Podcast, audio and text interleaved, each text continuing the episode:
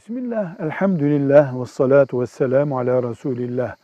Babanın arazisine baba sağken çocuklardan birisi babasından izin alıp ev yapmaya kalkarsa bu ne demektir?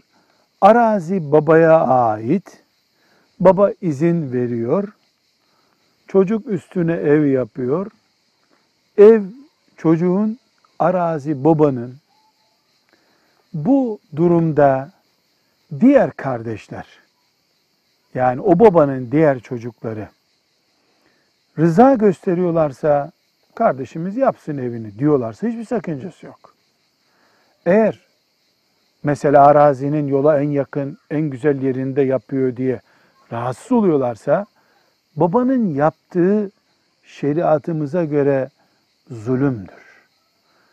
Baba bunu telafi etmelidir. Çocuklarına adil davranmalı, sağlığında verirken, müsamaha ederken adil davranmalı. Hatta eşit davranmalıdır.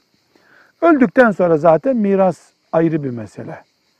Ama bu şekildeki bir izin baba öldükten sonra mirasını alacak çocuklar arasında sorun oluşturacağı için büyük ihtimalle bu zulmün sebebi olarak baba vebale girecektir.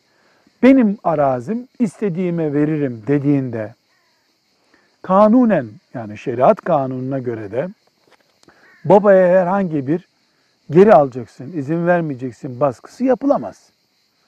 Ama bu evlat arasında ayrımcılıktır, birini kollamaktır. Bu manevi bir zulümdür. Bu zulüm şeriatın izin verdiği şey değildir. Velhamdülillahi Rabbil Alemin.